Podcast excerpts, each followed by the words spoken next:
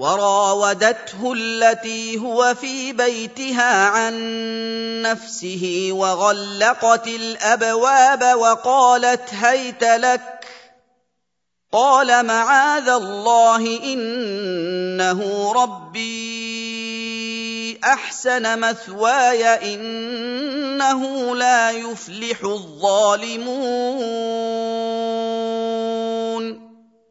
Istri Al-Aziz meminta kepada Yusuf alaihissalam secara halus disertai dengan jebakan agar dia mau berbuat mesum dengannya. Dia menutup pintu-pintu agar situasi benar-benar sepi. Dan dia berkata kepada Yusuf, Ayo, kemarilah. Yusuf menjawab, Aku berlindung kepada Allah dari ajakanmu.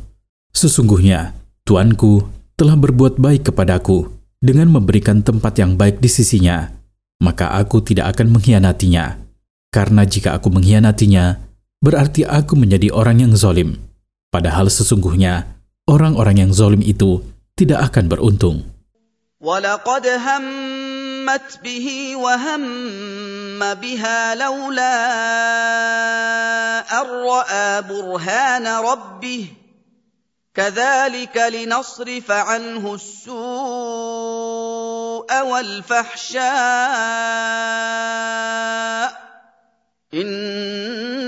إنه من عبادنا المخلصين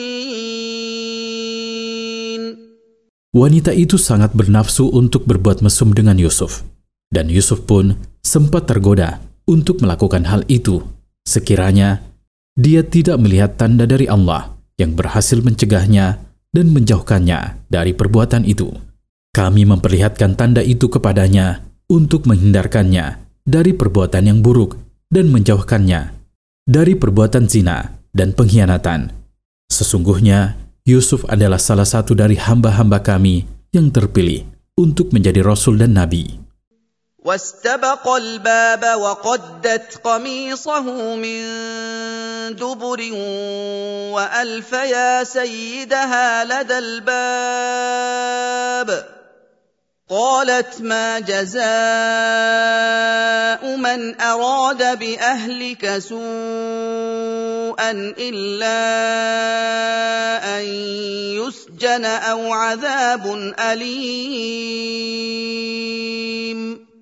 Keduanya beradu cepat menuju pintu. Yusuf ingin menyelamatkan diri, sedangkan wanita itu hendak mencegahnya keluar. Kemudian wanita itu memegang baju Yusuf untuk mencegahnya keluar.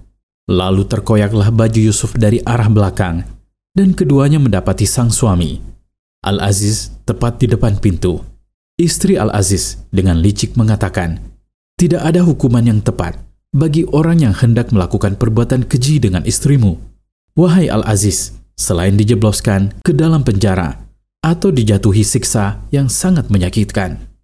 Qala hiya rawadatni an nafsi وشهد شاهد من اهلها ان كان قميصه قد من قبل فصدقت وهو من الكاذبين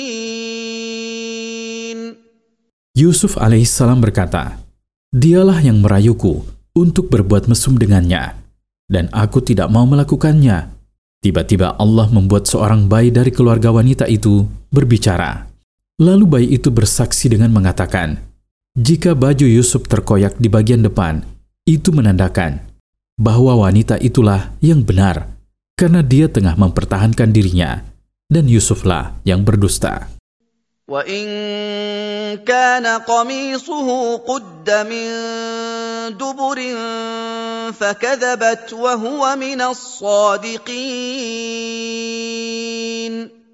Dan jika bajunya terkoyak di bagian belakang, itu menandakan bahwa Yusuflah yang benar, karena wanita itu tadi merayunya dan Yusuf berusaha melarikan diri darinya. Maka wanita itulah yang berdusta. فلما راى قميصه قد من دبر قال انه من كيدكن ان كيدكن عظيم Kemudian, tak kala Al-Aziz menyaksikan bahwa baju Yusuf alaihissalam terkoyak di bagian belakang, maka dapat dipastikan bahwa Yusuflah yang benar, dan Al-Aziz pun berkata, Sesungguhnya, tuduhan yang kamu lancarkan kepada Yusuf alaihissalam itu adalah bagian dari tipu muslihatmu, wahai kaum wanita. Sesungguhnya, tipu muslihat kalian amat sangat kuat. يوسف أعرض عن هذا واستغفري لذنبك إنك كنت من الخاطئين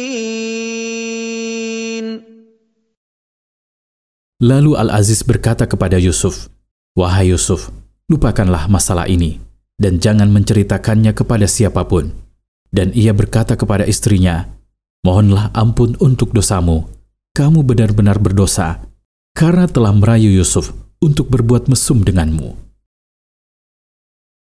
وقال نسوة في المدينة امرأة العزيز تراود فتاها عن نفسه قد شغفها حبا. تراود فتاها عن نفسه قد شغفها حبا. إنا لنراها في ضلال مبين. Cerita tentang wanita itu menyebar ke seluruh kota, dan sejumlah wanita berkomentar dengan nada sinis.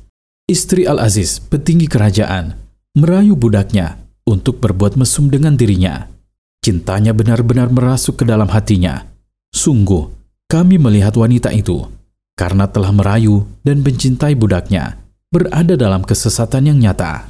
Faidah dari ayat-ayat di atas. Pertama, Pengakuan bahwa tipu muslihat kaum wanita dalam beberapa kesempatan memang berbahaya. Kedua, buruknya mengkhianati orang yang berbuat baik pada harta dan keluarganya. Hal ini yang Yusuf sebutkan di antara sebab-sebab penolakannya melakukan perbuatan keji.